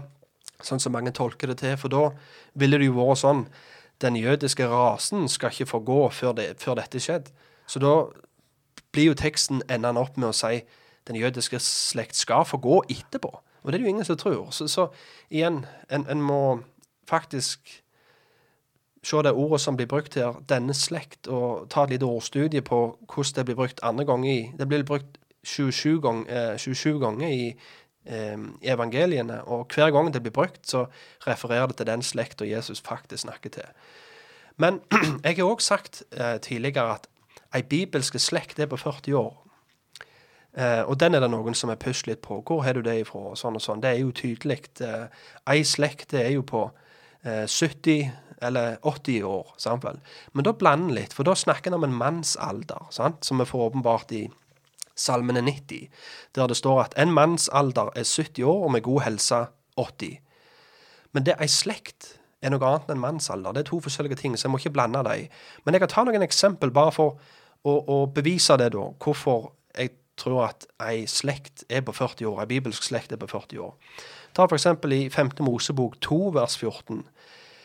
Tiden vi brukte fra vi dro fra Kadesh Barnea til vi dro over Seerdalen, var 38 år til hele slekten av stridsmenn i leiren var utdødd, slik Herren hadde sverget for dem. Sant? Så her med 38, sant? rundt 40 år. Um, eller Jobb 42, vers 16. Etter dette levde Jobb i 140 år. Han fikk se sine barn, barnebarn, i fire slektsledd. Eller i Skal vi se Ehm, Ja, her har jeg skrevet bibelvers uten å skrive hvor det er ifra, så det beklager jeg. Eh, I 40 år hadde jeg avsky for denne slekten og sa det er et folk som farer vill i sitt hjerte, og de kjenner ikke mine veier. Og beklager det, altså. Nå, jeg har skrevet verset uten å få med meg hva det står hen. Men, men allikevel Ja, det, det er viktig at vi ikke blander en manns alder og, og lengden på ei slekt der, for det er tydelig to forskjellige ting i Bibelen. Og, det som er argumentert for når Jesus sa dette her, og han forsynte det som står her i Matteus 24, så var det rundt år 30, sant? Etter, eh, etter hans fødsel. Eh, og hvis du teller deg da 40 år fram, så ender du opp i år 70. Og det stemmer veldig godt. En generasjon. Og da var det den slekta. Da var det som Jesus sa når han gikk opp på korset. Dere og deres barn er det som må grine over dere sjøl pga. den trengselen som kommer over dere. Um, ja, litt videre. Og, og det, nå må jeg bare være ærlig og si at fram til vers 34, den syns jeg er lettere å tidfeste i år 70. Men, men det er veldig mange som sier det er et skille etter 34 her. At nå hopper han fram til Jesu andre komme. For videre så blir det òg snakket om Herrens komme. Og de sier det er en skifte i hva skal du si, i vers 36-37 her. Men, men jeg må være ærlig og si jeg, klarer ikke helt å se den. Og den argumentasjonen som blir lagt ut kjøper jeg ikke helt. Men allikevel, det er noen som trekker det helt til Matteus 25 og sier det her menneskesønnen som kommer i Matteus 25, det er òg år 70. Det er ikke jeg. Så jeg tror det er et skifte her eh, i slutten av Matteus 24. Men nøyaktig hvor er vanskelig å si. Eh, men allikevel, vers 36 nå. Men den dagen eller den timen kjenner ingen. Ikke engang engelen i himmelen, men bare min far. Og bare en litt sånn interessant ting der, for den blir jo mange ganger brukt som en kritikk imot Jesus sin guddommelighet, den teksten der. På grunn av når ikke Jesus selv, Typisk muslimer pleier å bruke den, eller, eller folk som ikke tror på Jesus sin guddommelighet generelt. Her står det jo at Jesus ikke visste det. sant? Han kan umulig være Gud, for Gud er jo allvitende. Og hva er svaren til det? Og Det tror jeg kan være interessant for lytterne våre å tenke litt over. Hva svarer du hvis noen bruker dette verset for å kritisere at Jesus han var ikke Gud? Han var bare et menneske. For han visste jo ikke engang når han skulle komme igjen. Um, og da vil jeg bare gå til Filipperne 2.7. Um, Filipperne 2.7.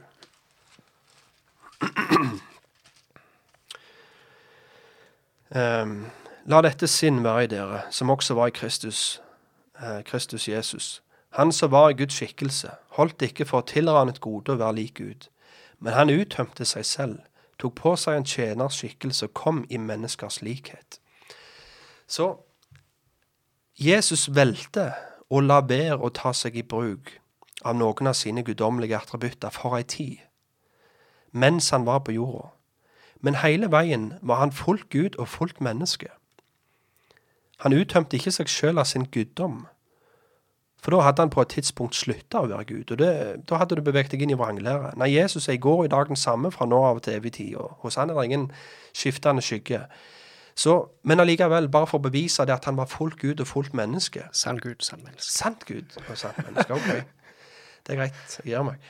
Eh, når Jesus blir herliggjort på fjellet i Matteus 16, så ser vi at måte, Her står det at han eh, han uttømte seg sjøl, tok på seg en tjenerskikkelse. Der ser vi på en måte denne tjenerskikkelsen, den menneskelige sløret, om du vil, som han bar, ble drogen til sides. Og hvem er det som skjuler seg bak der? Er du med? Jo, herlighetens konge. Gud sjøl. Er du med? Så han var hele veien Gud, men han valgte å la være å ta seg i bruk av noen av sine guddommelige attributter eller egenskaper for ei tid.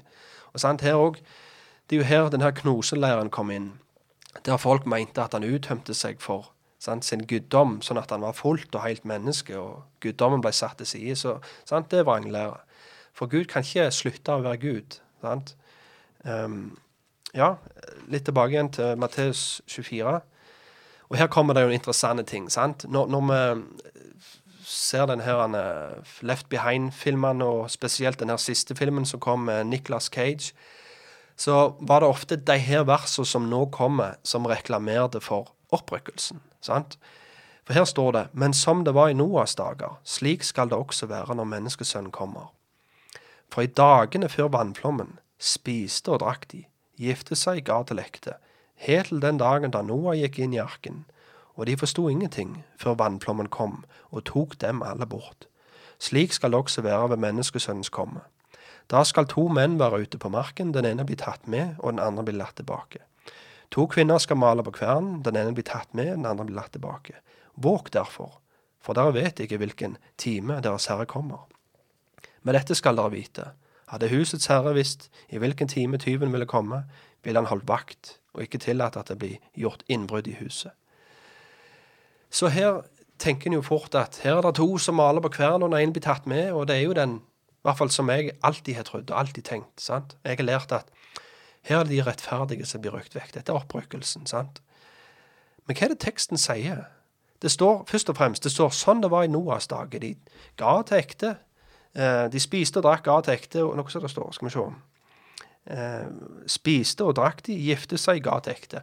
Mange ganger så blir dette her for mange et synonym for ekstrem ugudelighet. De spiste og de drakk og de gifta seg i hytt og vær. Det er ikke det som er poenget der. Poenget er at de levde livet sine som normalt. Og det kommer faktisk enda bedre fram i, eh, i parallellteksten i Lykas eh, 17, er det vel.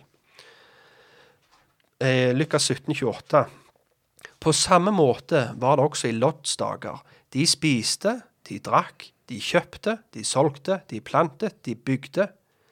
Så poenget her er ikke det at ekstrem ugudelighet. Sant? Poenget her er at de planta, og de sådde, og de kjøpte. Altså, livet gikk som normalt.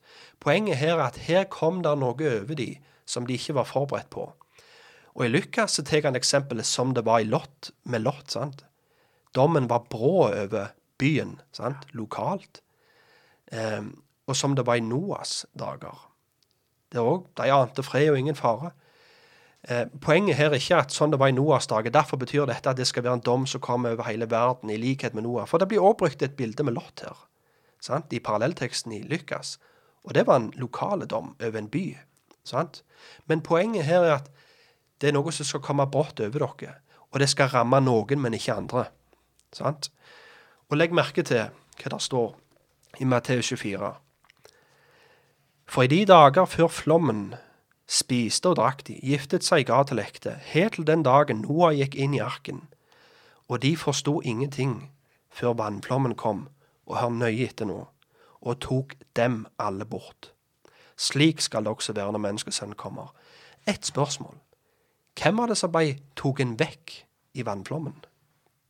De ugudelige. De ugudelige. Så her er det ikke snakk om at de rettferdige som blir rykt vekk. Men her er det de ugudelige som blir rykt vekk i dom. Og sammen med Lot òg. Hvem var det som ble tatt vekk av jorda der? Det var de ugudelige. Så her beskrives det ikke eh, en framtidig opprykkelse, selv om jeg tror det, at vi skal møte han i skyene en dag der framme. Men det er ikke det denne teksten snakker om. Her er det snakk om noen skal bli tatt med i dommen, og andre skal få være igjen. Og gang etter gang i Gammeltestamentet, hva er det vi leser? Jeg husker ikke helt salme, er det salme 36? Jeg er litt usikker. Men om en liten stund så er ikke den ugudelige der mer. Du skal se etter han, men han er borte. Men de rettferdige skal arve jorden.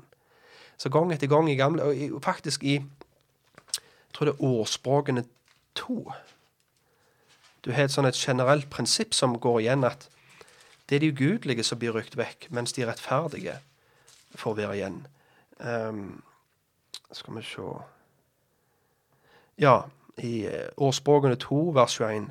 For de oppriktige skal bo i landet, og de ulastelige skal bli værende der. Men de ugudelige skal utryddes fra jorden, og de troløse skal rives bort derifra. Sant? Eh, og nå, Hvis jeg hadde hatt den salmen, så kunne jeg lest den òg, men nå var ikke det helt friskt i minnet. Du Bare skyt inn, Thomas, hvis du har noe på det her. Ja, jeg fant den. det var Salme 37. Jeg var mesten på, på den der. Skal vi se. Eh, skal vi se her Ja. Vik fra det onde Nei, vik fra det som er ondt, og gjør det som er godt. Så skal du bli boende til evig tid. For Herren elsker rettferdig dom, og han forlater ikke sine hellige. De blir bevart til evig tid, men de ugudelige eh, Men de ugudeliges etterkommere skal utryddes. De rettferdige skal arve landet og bo i det i all evighet. Um, ja, ba, ba, jeg anbefaler bare les hele Salme 37 og legg merke til f.eks.: For, for de som gjør ondt, skal utryddes, men de som venter på Herren, de skal arve landet. Det er bare en liten stund, så er ikke den ugudelige der mer. Sannelig, du skal se nøye etter hans sted, men det finnes ikke mer. Men de ydmyke skal arve landet, og de skal glede seg i stor rik fred. Og igjen, det er det samme Jesus òg snakker om, de salige. Eh, salige er de rene av hjertet, for de nei, Hvordan det står Salige er de eh, salm, eh, Salme 5.5. Nei, ikke Salme 5.5. Saligprisningen. Eh, Matteus 5.5. Eh, så står det Skal vi se her 5, 5. Salig er de ydmyke, for de skal arve jorden. Sant? Så du ser alle et veldig stort fokus på landet i Gammeltestamentet. Men når du kommer til Nytestamentet, så ser vi at Jesus siterer sant, denne salmen. Men så oppgraderer han det til, fra landet til å være jorda. Og det samme som jeg har nevnt tidligere, som Paulus òg gjør i Romane 4. Når han gjentar løftet som ble gitt til Abraham, så snakker man et løfte om ikke lenger bare arve landet, men å bli arvinger til verden. Så ja Jeg tror det at jorda tilhører Herren. Og han har fått herredømme over denne jorda.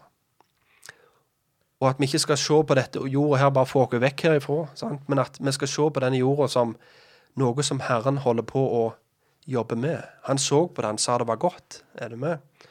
Og jeg tror det at vi skal få se ei, ei blomstring både av Guds rike og av Herrens herlighet her på jorda i, i, i framtida. Hvis vi går litt tilbake nå, og så går vi litt videre, for nå kommer vi på en måte til et slags skifte, vil jeg si. Nå, Imellom Matteus 24 og Matteus 25 så er det på en måte lite gap der det blir presset inn en del lignelser. Og du har en lignelse om jomfruene, sant? de ti jomfruene. Fem vise og fem uvise. Og så har du lignelsen om talenter.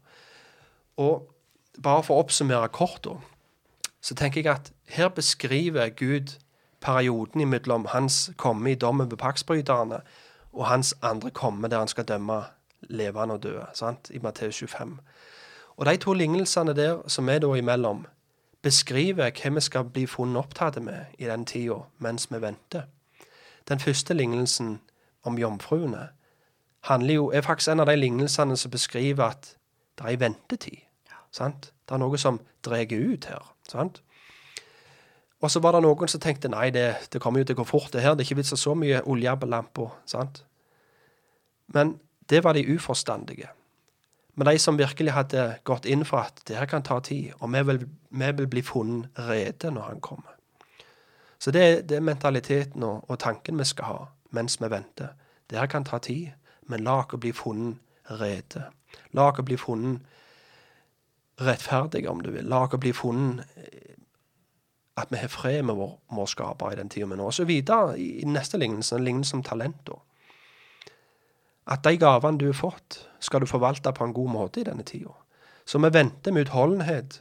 Vi venter og lufter vårt blikk og alltid klar til å møte vår skaper. Men det burde ikke få oss til å bli passive. Det må ikke få oss til å gå og grave ned gavene vi har fått, men å forvalte de, sånn at kan, noe kan gi 60 eller 100 fold. Sant?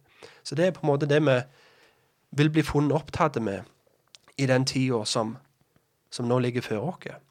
Og det, det er det interessant òg i Ma- Matteus eh, 24, så sier han ehm, Salig er den tjeneren som Hans Herre finner opptatt med dette når han kommer. Sant? Så han snakker om eh, tidligere hvem er, den, hvem er da den trofaste og kloke tjeneren som Hans Herre har satt til å styre over sitt husfolk for å gi dem mat i rett tid? Så snakker han her om hvem er da de som er villige til å gi mine får mat? Altså, hvor er pastorene? Hvor er lederskapet? Hvor er de som vil nå ut til verden? Salige er de som jeg finner opptatt med det når jeg kommer. Så la, la, la det være sånn at det er det vi blir funnet opptatt med når Herren en dag kommer igjen der framme.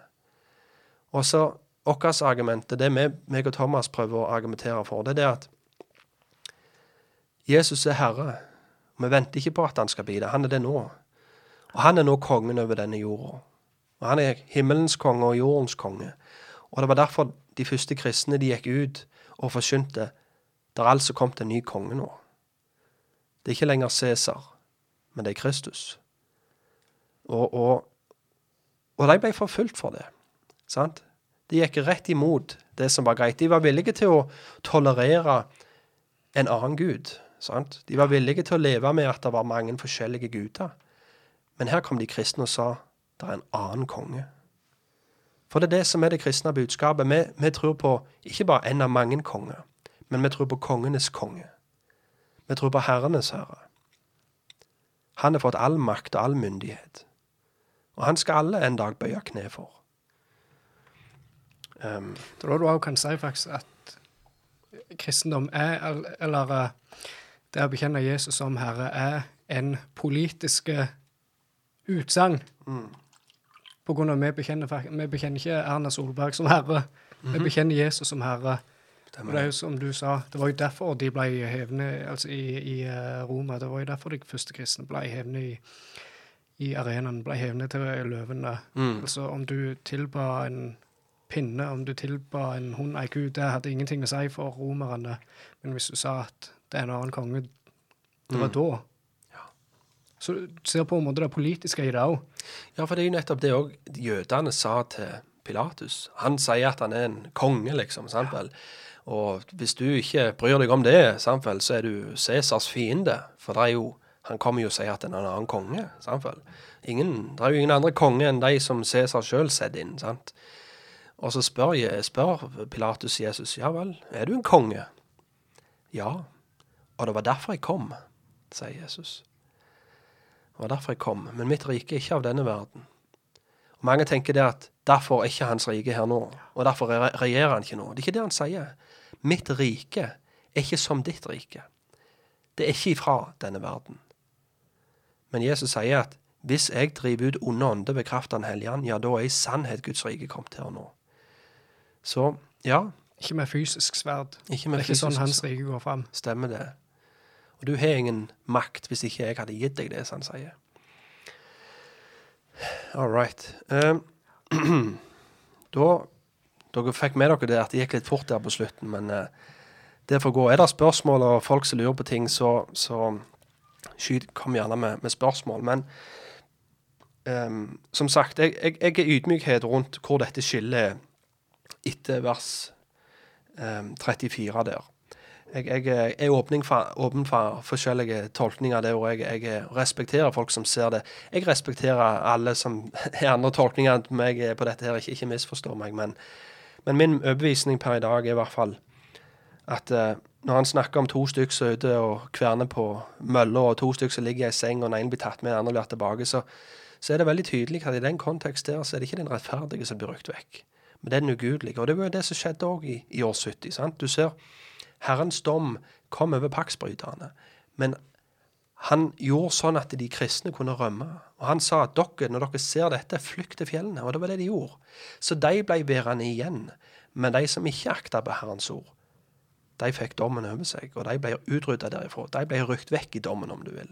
Mens de rettferdige fikk være igjen, og ble fridd ut ifra både den romerske trengselen, men òg den jødiske forfølgelsen. For den òg ser vi var veldig intense i, i den første tida. Ja, noen eh, tanker, Thomas? Ikke noen. Nei. Nei, men jeg, jeg tenkte liksom Nå har vi på en måte gått gjennom Matteus 24. Noen vil kanskje si at det er gått for fort. Andre, andre vil si det for gikk altfor seint. Men jeg tenker noen ting som jeg har lyst til å, å snakke litt om litt avslutningsvis. Og, og det er noen argument som jeg har hørt gå ofte igjen. For en veldig sentral lære i premillennialisme, historisk premill og i dispensasjonalisme er det at det her tofoldige aspektet av Guds rike. For de fleste vil si ja, Jesus konge nå, ingen som krangler om det. Jesus regjerer nå, ja. I hjertene våre, altså, han sitter i himmelen, og han er, han er kongenes konge, og han har makt på himmelen. og- han vel, så det er mange som vil si dere lager en stråmann her, for det er ingen som er uenig i det. Men mitt poeng her er da hvor i Bibelen blir det etablert at først så kommer han opprette et åndelig rike, og så skal han en dag komme opprette et fysisk? For som vi har vist tidligere i de gammeltestamentlige profetiene, både i Daniel 2, i Daniel 9, og alt som forteller om når Messias skal opprette riket sitt, det var samtidig som det romerske riket var. Og Jesus kom samtidig som det romerske riket var det store verdensbreie Og det var da steinen kom og knuste og ble, vokste seg til å bli et stort fjell. Og, og de 490 årene når Messias kommer, um, så, som, vi gikk, som vi snakket om i Daniel 9, så var det um, Så var det hans første komme, sant? Hvis du tar vekk parentesen. Det var da han kom med sitt rike. Så mitt spørsmål, og som jeg har spurt flere, hvor i Bibelen blir læren om det her tofoldige aspektet av Guds rike, hvor, hvor går du da? Og det samtlige gjør da, og jeg, jeg sjøl har brukt det argumentet flere ganger, for å bevise at det er et åndelig aspekt nå, og i framtida er det et fysisk. Da går de til apostelens gjerninger 1. Og jeg har ikke lyst til å bare overse og lukke ørene for sånne ting. For det, det, er, reell, det er en reell kritikk, og vi må ha et svar til det. sant? For tilsynelatende så ser jo det som står her i Apostelens gjerninger, en veldig ut som at ja, det er et aspekt til av Guds rike liksom, som ikke ennå er der. OK, jeg leser i Apostelens gjerninger 1. Jeg, jeg, jeg gikk jo gjennom dette her i den første episoden, men det er ikke feil med repetisjon. Um, OK, i kapittel 1, tar fra vers 3. For dem viste han seg også levende etter sin lidelse, med mange ufeil, ufeilbarlige bevis. Han ble sett av dem i løpet av 40 dager, og han talte om de ting som hører Guds rike til. OK, så hør her, da. Her er Jesus iblant disiplene sine i 40 dager. Og spørsmålet er ja, hva var det han snakket om? Jo, det som hører Guds rike til. Og argumentet går sånn som dette her. Når du går litt lenger ned her nå, i vers 8 Nei, tidligere. Seks. 6. Så stiller de et spørsmål. Disiplene stiller et spørsmål til Jesus, og det er Hør nå. Da det var kommet sammen, spurte de ham og sa, Herre, vil du på denne tiden gjenopprette riket for Israel? Og han sa til dem, Det er ikke deres sak å kjenne tider eller stunder som Faderen er underlagt sin egen myndighet. Så poenget her er da Jesus underviste disiplene sine om riket i 40 dager, og det eneste spørsmålet de er ja vel, når kommer det? Så det er jo mye her i denne teksten som tilsynelatende vitner om at ja, ja, men si de stiller det spørsmålet, så må jo dette være at må jo Jesus ha forsynt om i de 40 dagene at dette var et rike som ennå lå framfor. Men det jeg vil svare på dette, det er først og fremst hvor mange år forsynte Jesus til disiplene sine at han måtte lide og dø og stå opp igjen? Det var ikke 40 dager, det var tre og et halvt år. Forsto de det? Nei. Ikke før han hadde stått opp igjen. Så det hvis en skal hvile eh, mye av sin eh, argumentasjon på et vers ut ifra et spørsmål av disiplene her, når vi vet at de hadde veldig vanskelig for å forstå mye av det Jesus sa, og Jesus sa til og med det til dem, det er mange ting jeg vil fortelle dere nå, men nå klarer dere ikke bære det. Derfor skal jeg sende en hellig ånd. Og når dere får en hellig ånd, da skal dere forstå til det fulle, for han skal vise dere alle ting. Og hva er det Jesus sier rett etterpå? Rett etter han har sagt det er ikke, det er ikke for dere å vite tid og time og sånn og sånn. Så går han videre. Men dere skal få kraft når Den hellige ånd kommer over dere. Og dere skal være vitner om meg i Jerusalem og i hele Judea, Samaria og helt til jordens ende. Så han sier i grunnen at vent til dere får Den hellige ånd. Og hva er det vi ser når Den hellige ånd kommer? På pinsedag. Jo, da reiser Peter seg opp. Og den første talen han har, så forteller han at denne Jesus, han har nå satt seg på Davids trone. Og hva vil det si at Jesus har satt seg på Davids trone? Jo, da har riket kommet. For det at Jesus sitter på Davids trone, det var det de messianske profetiene pekte fram imot. At en dag skal det komme en og sette seg på Davids trone og opprette. Og det står at han skal bygge mitt hus. Sant? Og nå skal jeg bare ta en liten her. For i, er det i andre Samuels bok det står? Andre Samuels bok 7, vers 12. Og nå snakker Gud til David her. Eh, David har lyst til å bygge et hus for Herren. Eh, og så sier Gud til han, når dine dagers tall er fulgt, og du hviler hos dine fedre, hør nå, skal jeg reise opp ditt avkom etter deg, som kommer fra ditt eget liv, og jeg skal grunnfeste hans kongedømme. Han skal bygge et hus for mitt navn, og jeg skal grunnfeste tronen for hans kongedømme til evig tid. Jeg skal være hans far, og han skal være min sønn. Legg merke til en veldig interessant ting her. Det står at jeg skal reise opp en i din ett, som skal bli innsatt på din trone, hør nå, mens du ligger i grava. Det er veldig viktig å forstå. Tidshusholdningslæren lærer det at Jesus skal regjere på Davids trone når han en dag kommer igjen. Og da er det de dødes oppstandelse. Når de døde har stått opp igjen, så ligger ikke David lenger i grava. Så David har nødt til å ligge i grava når Jesus blir innsatt som konge på Davids trone. Og hva er det Peter sier? Peter i Apostelens gjerninger 2. Israelittiske menn, hør disse ord. Jesus fra Nasaret, en mann utpekt for dere ved kraftige gjerninger, under og tegn som Gud gjorde ved ham midt iblant dere, slik dere nå selv også vet. Etter at han var blitt overgitt etter Guds fastsatte rådslutning og forhåndviten, tok dere ham med lovløse hender, korsfestet og drepte ham. Han reiste Gud opp etter å ha løst dødens fødselsveer, for det var ikke mulig at de kunne holde han igjen av døden. For David sier om ham, jeg så alltid Herren framfor meg, for han er ved min høyre hånd, så jeg ikke skal vakle. Derfor gleder mitt hjerte seg, og min tunge skal fryde seg. Ja, også mitt skjød skal hvile med håp. For du skal ikke forlate min sjel i dødsriket, heller ikke skal du la din hellige se fordervelse. Du har gjort livets stier kjent for meg. Du skal fylle meg med gleden for ditt åsyn.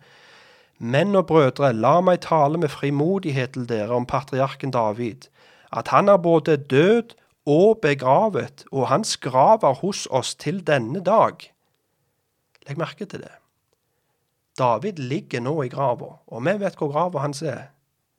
Siden David var en profet og visste at Gud hadde tilsverget ham med en ed at ut fra frukten av hans legeme, vil si av hans skjød, ville han reise opp Kristus til å sitte på hans trone, så forutså han dette og talte om Kristi oppstandelse. Så Jesus ble innsatt på Davids trone i kraft av oppstandelse fra de døde, og Davids lå ennå i grava. Så det syns jeg er mektig. Så mitt svar til Ja, men disiplene spurte jo, og de sa jo ja, er det, er det på dette tidspunktet? Er det nå? Sant? Og Jesus sier bare vent til du får Den hellige ånd. Og så snart de får Den hellige ånd, så reiser han seg opp. Han sitter på tronen nå! Sant? Så, så det syns jeg er mektig. Og videre så sier han, for David for ikke opp til himmelen, men han sier, Herren sa til min herre, sett deg ved min høyre hånd, til jeg legger dine fiender som en skammel for dine føtter. La derfor hele Israels hus vite forvisst at Gud har gjort denne Jesus som dere korsfestet, både til Herre og Messias. Da de hørte dette, skar de dem i hjertet, og de sa til Peter og de andre apostlene, menn og brødre, hva skal vi gjøre? Omvend dere, sier Peter. Så her siterer Peter Salme 110. Han er blitt innsatt på Davids trone. Han sitter nå og regjerer, og nå venter han til at alle hans fiender skal bli lagt som en fotskammel under hans føde. Og det er jo det som er våre hele poenget til meg og Thomas. Det er det vi prøver å få fram gjennom denne her. Og det er det som er tidslinja til Paulus i 1. Korinterne 15. At han satte seg på Davids trone, og han skal regjere til han har lagt alle fiendene under sine føtter. Og når han har gjort det, så kommer han igjen og tar livet av den siste fienden, som er døden. Og da overgir han riket til Faderen. Da kommer han ikke opprette det fysiske aspektet av riket. Så, så den distinksjonen mellom et åndelig aspekt og fysisk aspekt Jeg klarer ikke å se den i Skrifta. I hvert fall ikke ut ifra Apostelens gjerning 1. Og andre vil si at riket ble satt på vent siden jødene ikke tok imot. Og så spør jeg hvor blir den læren etablert i Bibelen? Og da svarer de med å si Jeg har hørt dette flere ganger. De sier det. Jo, for Paulus er hedningene sin apostel, og han forkynte aldri om riket. Han forkynte kun nådens evangelium. Så i den tida vi er nå, så er det nådens evangelium som skal bli forkynt. Og når jødene en dag blir frelst, da skal igjen misjonsbefalinga gå ut, sant? og da skal igjen riket bli forkynt. Men Paulus forkynte om riket. I apostelens, gjerninger 20 så samler han i sammen lederskapet av menigheten i Efesus, hedninger. Så leser vi um, vi se her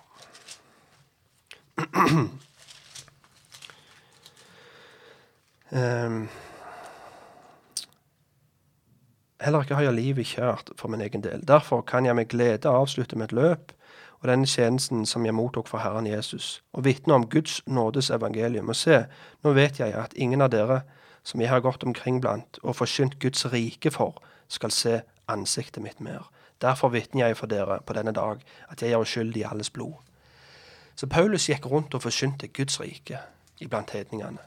Og siste kapittelet i Apostens gjerninger, så leser vi òg da de, eh, da de så hadde fastsatt en dag for ham, kom mange til ham der, der han bodde, og han forklarte for dem og vitnet alvorlig om Guds rike. Fra tidlig om morgenen til sent om kveld overbeviste han dem om Jesus både ut ifra Moseloven og profetene. Og noen ble overbevist av alt det som ble sagt. Så igjen Og noen kan kanskje spørre da Ja, men hva svarer de da, når de lager et sterkt argument ut ifra Paulus? Han forkynte kun nådens evangelium. Og, og Derfor så er det Nå er vi i nådens tidshusholdning. sant? Lærer de i tidshusholdningslæren. Riket ble satt på vent.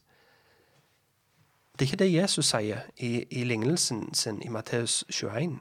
Når han forkynner lignelsen sin om de ugudelige, eller de her vonde vingårdsarbeiderne, så spør Jesus hva skal jeg gjøre med dem? Han spør fariseerne hva skal jeg gjøre med de her vonde vingårdsarbeiderne som bare drepte alle tjenerne jeg sendte. Jo, drev de på en forferdelig måte. Ja, det er nettopp det jeg skal gjøre, sier Jesus. Og riket skal bli tatt ifra de og gitt til noen som bærer rikets frukt. Og det var det som ble gjort. Det er ikke et gap imellom der. Riket ble tatt ifra jødene som et folk. Altså selvfølgelig enkeltpersoner. Til og med Paulus og de, alle disiplene de var jo jøder. Så, men det ble tatt ifra dem som et folk og gitt til noen som bærer rikets frukt. Og det er derfor Paulus går til hedningene og forkynner riket fra morgen til kveld. Det er ikke noe vi venter på. Det er her nå. Sant? Jesus regjerer nå. Han sitter på Davids trone nå. Og i Åpenbaringen 2 så står det at Jesus regjerer med jernstav nå, og vi som seirer, vi skal få regjere i lag med han. Sant? Og, og Ja, så, så igjen Prøv dette med å si opp imot Skrifta. Um, jeg sjøl har vært nidkjære for tidshusholdningslæren. Jeg har vært nidkjær for en opprykkelse før trengsel. At det, det er en stor trengsel som ligger føre, og, og det skal være sju og et halvt år, tre og et halvt år med fred, så kommer Antikrist. Og alle disse tingene. sant? Men, men som sagt, jeg vil si akilleshælen til tidshusholdningslæren er Daniel 9. Hvis parentesen blir tatt vekk fra Daniel 9, så forsvinner tidslinja. Og da har de ingen For å si det sånn, knaggen forsvinner, så de har ingen plass å henge bibelversene. For hvis den tidslinja som vi har argumentert for, stopper i apostelens gjerninger, så må du gå en annen plass og finne deg en tidslinje. Og den er det vi argumenterer for Paulus legger ut i 1. Korinterne 15. Jesus er død og oppstått igjen. Han er førstegrøten. Vi som dør nå i Kristus, vi skal få stå opp i lag med han. Han regjerer nå og legger alle fiendene under sine føtter. Og når han kommer igjen, skal han ta livet av den siste fienden, og da overgir han riket til Faderen, for at alle skal være ett i han. Så kan vi ikke ta oss avslutte denne serien her, Thomas, med å lese Salmene 2? Kan ikke du gjøre det? Det kan jeg godt. Ja.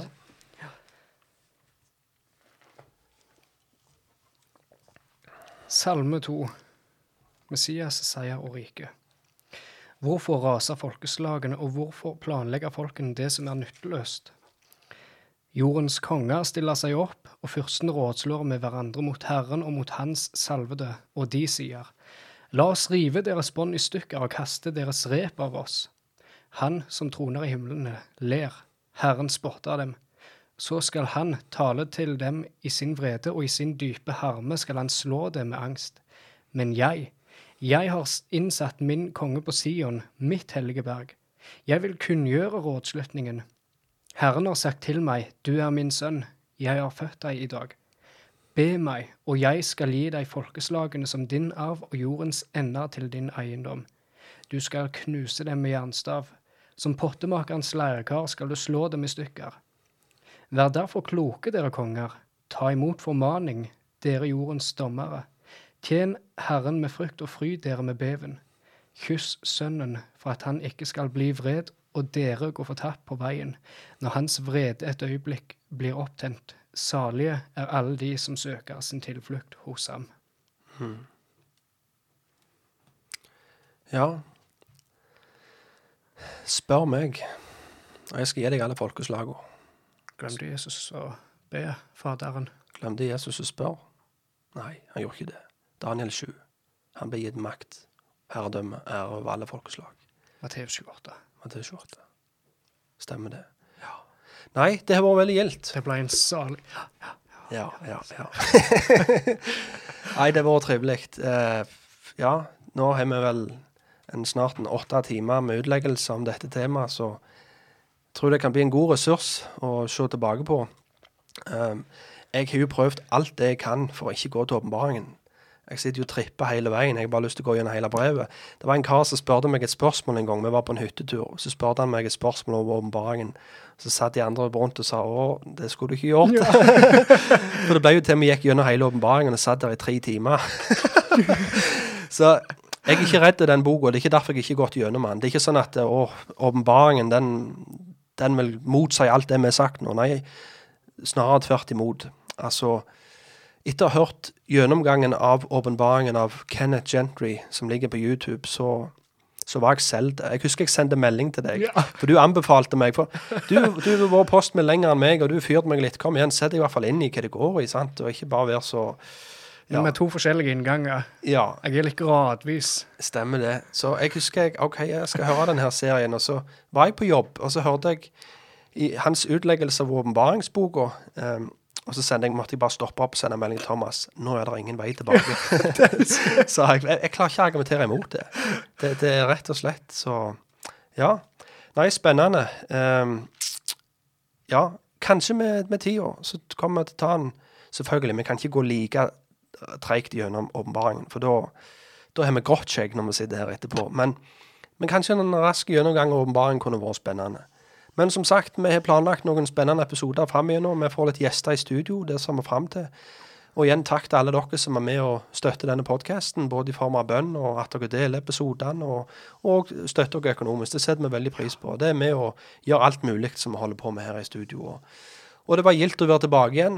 Nå var det lenge siden sist, og vi skal jo prøve å Så sant det ikke er en pest eller et eller annet som kommer, så, så vil vi i studio og spille en episode. Men, men nå var det det denne gang. Det var en skikkelig eh, omveltning i naturkreftene. Og, så, men, men Herren har full kontroll. Han sitter på tronen.